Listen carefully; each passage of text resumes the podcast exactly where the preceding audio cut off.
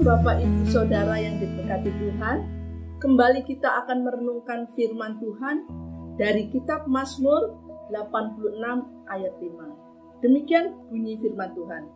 Sebab engkau ya Tuhan baik dan suka mengampuni dan berlimpah kasih setia bagi semua orang yang berseru kepadamu. Sudah menjadi kewajiban kita sebagai anak Tuhan mempunyai gaya hidup seperti Tuhan Yesus yang suka mengampuni. Pengampunannya diberikan kepada kita orang yang berdosa ini karena kasih setianya yang besar kepada kita. Kasih tidak dapat dipisahkan dengan pengampunan.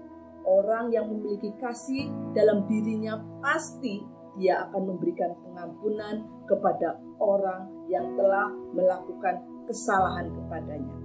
Mari kita wujudkan pengampunan kita kepada anggota keluarga kita, baik kepada istri, suami, anak, cucu, menantu, dan orang lain.